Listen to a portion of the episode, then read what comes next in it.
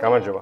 შევსვენ დებაგერ პოდკასტის 65-ე ეპიზოდს და მე მის წამყვანი ტატო კუტალია. ამ პოდკასტში საუბარია დეველოპერული კულტურის, ტრენდული ტექნოლოგიების და კარიერული ზრდის შესახებ.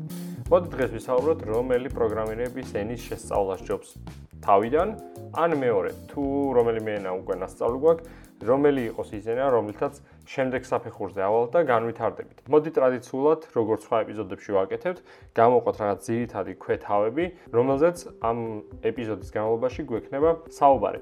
პირველი არის გამოვყოთ რისი სწავლა გვინდა კონკრეტულად რომელი სფეროს. შემდგომ გამოვარჩიოთ ეს ჩვენთვის პირველი ენა არის, რომელიც უნდა ვისწავლოთ, თუ უკვე გვაქვს რომელიმე ენა შესწავლილი და გვინდა რომ განვითარდეთ. და დანარჩენზე მე ალბათ ეპიზოდის განმავლობაში ჩავყვებით და გავისაუბრეთ. ესე იგი, რომელი სფეროსთვის გვინდა რომ ვისწავლოთ ენა? სფეროები რო დავყოთ, ყველაზე დიდ არეებად ასე წარმოისახება ალბათ. ერთი არის web development-ი. web development-ი თავის ხრივ იშლება front-end-დად და back-end-დად. მეორე არის mobile development-ი, მობილური აპლიკაციის development-ი. მესამე არის დღევანდელობაში არ ვიცი კვლავ დიდი წილი არ უჭირავს, მაგრამ კვლავ არის დესკტოპ აპლიკაციები, კლასიკური დესკტოპ აპლიკაციები. შეგვიძლია ცალკე გამოვყოთ მონაცემთა ბაზები და შემდგომ უკვე სისტემური პროგრამირება და ასე შემდეგ. ხო, ბევრი რაც დაყოფა შეიძლება. მოდი, მაგრამ პირველ ძირითადზე დავკონცენტრირდეთ პირველ თქვა სამეულზე, რომელსაც ბაზრის დიდი ჭრილი უჭირავს. ფრონტენდი, ბექენდი, მობაილი და დესკტოპები. შეგვიძლია ასე ვისაუბროთ. რადგანაც უკვე ვიცით და სფეროები, ეხლა უნდა დავიწყოთ უკვე გარჩევა იმისი, თუ ჩვენთვის ეს არის პირველი ენა, ანუ საერთოდ პირველი შემსვლელ საფეხურზე ვართ, თუ უკვე რამე ვიცით და გვინდა შემდეგ ეტაპზე გადასვლა. ამ შემთხვევაში თუ ფრონტენდში ვართ ჩვენ ერთხარეს და ჩვენ ჯერ არ ვიცით არც ერთი ენა, ან ეხლა ვიდგამთ ფეხს, რა თქმა უნდა, დასაწყისისთვის არის JavaScript-ი და მას გვერდზე მოყვება HTML, CSS. თუ სასწავლო გეგმის მიხედვით გავყვებით, პირიქით ისწავლება ხოლმე ჯერ არის HTML, CSS, პატარა JavaScript-ი და შემდგომ ღრმა და სიღრმეებში მიდის სწავლა. ეხლა ისევ ფრონტენდში ვართ, უბრალოდ რომელიმე ერთი ენა გვაქვს ნასწავლი, ყველაზე მეტად ალბათ JavaScript-ი რა თქმა უნდა და გვინდა რომ ვისწავლოთ ახალი ენა, მაგრამ დავრჩეთ იგივე კატეგორიაში. ამ შემთხვევაში შემდეგ განვითარების საფეხური, იქ კარგი განვითარების საფეხური იქნებოდა TypeScript-ის შესწავლა. თითოეულ ამ ენაზე, რაც იქნება ახლა ეპიზოდში ნახსენები, შეგიძლიათ დაგუგლოთ, მოიძიოთ ინფორმაცია. ყველა ძალიან ცნობადი ენა არის და ულევი მასალა არის მის შესწავლა და ულევი რაოდენობის უფასო და ფასიანი კურსები. ანუ ამ ძირითად ენებს თუ შევისწავლით, შემდგომ მასზე არის ძალიან ბევრი ფრეიმვორკი და ბიბლიოთეკები მორგებული, რომელსაც საერთოდ არ იქნება ამ ეპიზოდში საუბარი, მაგრამ როგორც კი ენის ანუ საფუძველი გეცოდინებათ, მე თავისუფლად შეგიძლიათ რომ დაიწყოთ რომელიმე ფრეიმვორკის სწავლა და არა პირიქით, რომ ჯერ ისწავლოთ ფრეიმვორკი და ფრეიმვორკთან ერთად ცდილობდეთ, რომ ენის შესწავლა დაიწყოთ. ეს დაახლოებით იგივე ანალოგიაა, რომ თქვენ არის მაგალითად ახალი უცხო ენის სწავლა გინდოდათ, ესპანური ავიღოთ და თქვენ ესპანური არ შეგისწავლიოთ ჯერ კარგად, მაგრამ რაღაცა ესპანური ციგნი აიღეთ და ციგნის კითხვასთან ერთად თან ენას სწავლდა საბოლოოდ გამოვა რომ ციგს ისევე წაიკითხოთ როგორც გინდა და ენას ისევე ისწავლეთ როგორც გჭირდებათ. ანუ არც ერთი გამოდის არც მეორე. ამიტომ ჯობია რომ ჯერ ენა ისწავლოთ რაღაც საფუძვლები ფუნდამენტები შეისწავლოთ კარგად და შემდგომ აირჩიოთ ის კონკრეტულ ტექნოლოგიაზე, სად გააგრძელებთ მუშაობას. მოდი გადავიდეთ ბექენდის ნაწილზე. ბექენდში უფრო მრავალფეროვანი არჩევანი გვაქვს დასაწყისისთვის.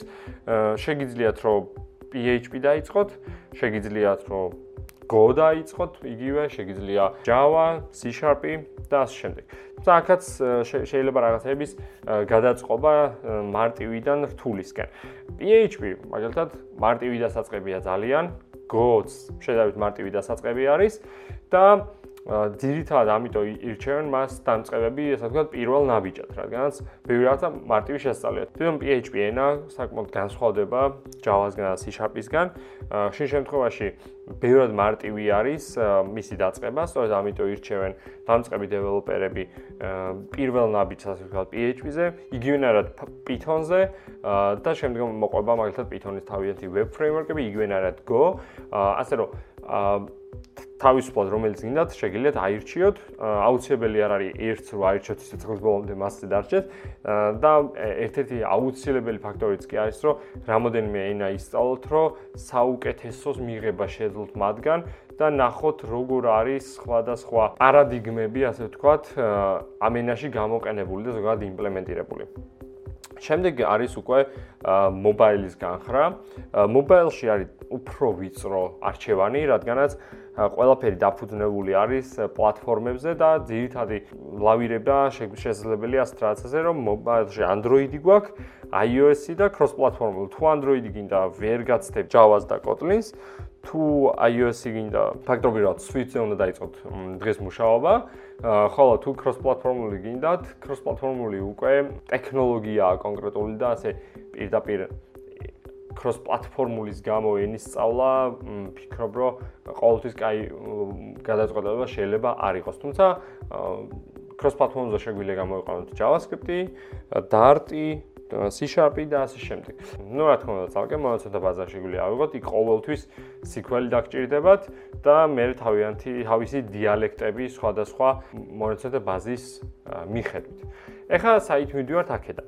ზოგადად თქვი რომ თუ პირველი ენა არის, შეგვიძლია ავირჩიოთ ნებისმიერი იმიტომ რომ შემსვლელი ნაბიჯი უნდა გავაკეთოთ ამ ტექნოლოგიაში. თუ პირველი ენა არის, შეგვიძლია დავждდეთ და ვიფიქროთ რომელი შეიძლება იყოს შემდეგი ენა ისეთი, რომელიც რაც განსხვავებას მოიტანს პირველი ენისგან. დავფიქრდეთ რისის სწავლა გვინდა, იქნებ გვინდა ასინქრონული პროგრამირების უკეთესად შესწავლა, ეს threading-ი, concurrency, ამის მოდელის შესწავლა, მაშინ შეგვიძლია ავიღოთ მაგალითად Go ენა, რომელიც ძალიან კარგი არის თავისი, ასე ვთქვათ, გოროტინების გამო და ძალიან კარგად გვაჩვენებს როგორ შეიძლება იყოს კონკურენტული პროგრამირება ახმული. და საკმაოდ მარტივი დასაწყებია ამის გამო. თუ გაინტერესებს მკაცრი ტიპიზირებული ენები, მაგ შემთხვევაში შეგვიძლია მივმართოთ Java-ს, C# და ასე შემდეგ, საკმაოდ სასიამოვნოა მათთან მუშაობა. თუ გვინდა რაღაცა უფრო დინამიური შეგვიძლია მიმართოთ Python-ს, თუ მოგწონს ოდნავ ძველი ენები, ან კონკრეტული რაღაცა გვაქვს მიზნად, მაგალითად, უკეთესად ვისწავლოთ რევერსული ინჟინერია, ან რაღაც სისტემური პროგრამირება, შეგვიძლია რომ assembly შესწავლას დავიწყოთ, რაც სხვა ჩვეულებრივ პირობებში ალბათ სისულელე იქნებოდა assembly-ში დიდი დროის დახარჯვა. ამიტომ ყველაფერს იქამდე დავდივართ, გააჩნია რისი კეთება გვინდა. თუმცა აი ამ ყველაფრის ფონზე არ უნდა დაგვავიწყდეს, რომ როდესაც რაღაცა მსგავს დავგუგლავთ, ყოველთვის ტოპ სტატიებში გვხვდება კლიკებზე გათვლილი სტატიები, რა ძირითადად ბლოგები. მაგალითად, საუკეთესო 9 პროგრამირების ენა, რომელიც შეგიძლია ისწავლო 2021 წელს, ან მაგალითად, ან რჩევები საუკეთესო პროგრამული ენის შესწავლისთვის. იდეაში დღევანდელი ეპიზოდიც დაახლოებით მაგას გავს, მაგრამ მინდა რომ რეალურად დამწყებებს ძირითადად მსმენელი ვინც არის, მივაწოდე ინფორმაცია თუ რა ენები გვხვდება ბაზარზე და რომ არ დაგვაბნიოს მაგათმა სახელებმა და არ გავიყიდოთ მარტივად იმის იმაზე, რომ აა, ოკეი, ეს JavaScript-ია და ესე იგი ეს ყველგან გამომადგება და JavaScript-ი უჭრელი ნოვისწავლო. არ არის ეგრე, თუ არ გჭირდება და საერთოდ არ არის ახლოს იმასთან, რაც უნდა გააკეთოს, არის აუცილებელი არაა JavaScript-ი იყოს პირველი ენა, შეგიძლია სხვა ენით დაიწყო და შემდგომ შეისწავლო JavaScript-ი. და ალბათ კითხვა შეიძლება გაჩნდეს აქ მსმენელისგან, რომ რა მოხდება, რომ რაღაცა ენა ავირჩიე და არ გავამადგან არასწორი ენა შევისწავლე.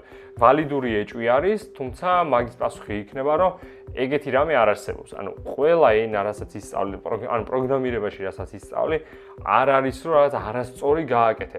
იმიტომ რომ ცოდნა მიღებული სხვა ადგილას აუცილებლად გამოგადგება და გარდამავალი არის. უკეთესად გაიგებ თქვა როგორ მუშაობს აა სხვა ენაში ის პარადიგმები, რაც პირველ ენაში რასაც სწავლობდი, ხო?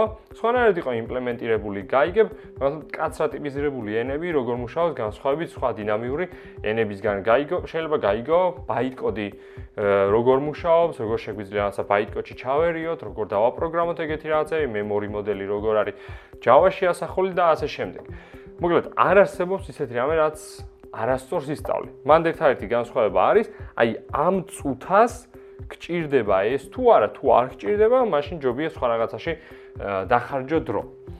დღესთვის მეტი არ მინდა რომ გავაგზავნო ამ თემაზე, ალბათ თუ დაგაინტერესებთ რაღაცა შეგიძლიათ Facebook ჯგუფში იკითხოთ, ან პირადში მომწეროთ, ან დანარჩენ კიდე თითოეულ ენასთან ჩამოწერეთ პლუს მინუსები, ისიც სწავლა გაგება გინდათ, ძალიან ბევრი დაარისერჩეთ, დაგუგლეთ და დარწმუნებული ვარ, რომ მალე მიხვალ თქვენ სასურველ ენასთან და მithumetes ამ ცხოვრებაში ერთადერთი ენას არ სწავლ, შეიძლება მთელი კარიერის განმავლობაში 7, 8, 10, 11 სხვა სხვა ენა იცოდეთ, მაგრამ ძირითადად იყენებდეთ ერთ ან ორ ენას, ასე რომ წარმატებები ყოველთვის და მომავალ შეხვედრამდე.